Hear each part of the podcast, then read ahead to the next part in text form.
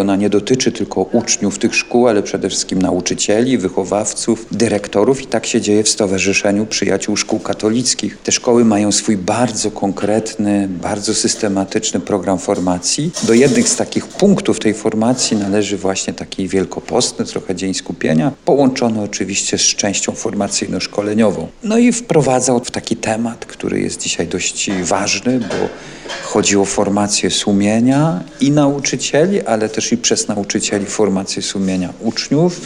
No i też bardzo ważną cechą, taką jedynie realizowaną praktycznie przez szkoły katolickie, to jest takie wychowanie do życia wiecznego, żeby nie tylko myśleć o przygotowaniu ludzi do doczesności, ale też o to, żeby oni patrzyli w stronę nieba i szli po ziemi w stronę Pana Boga.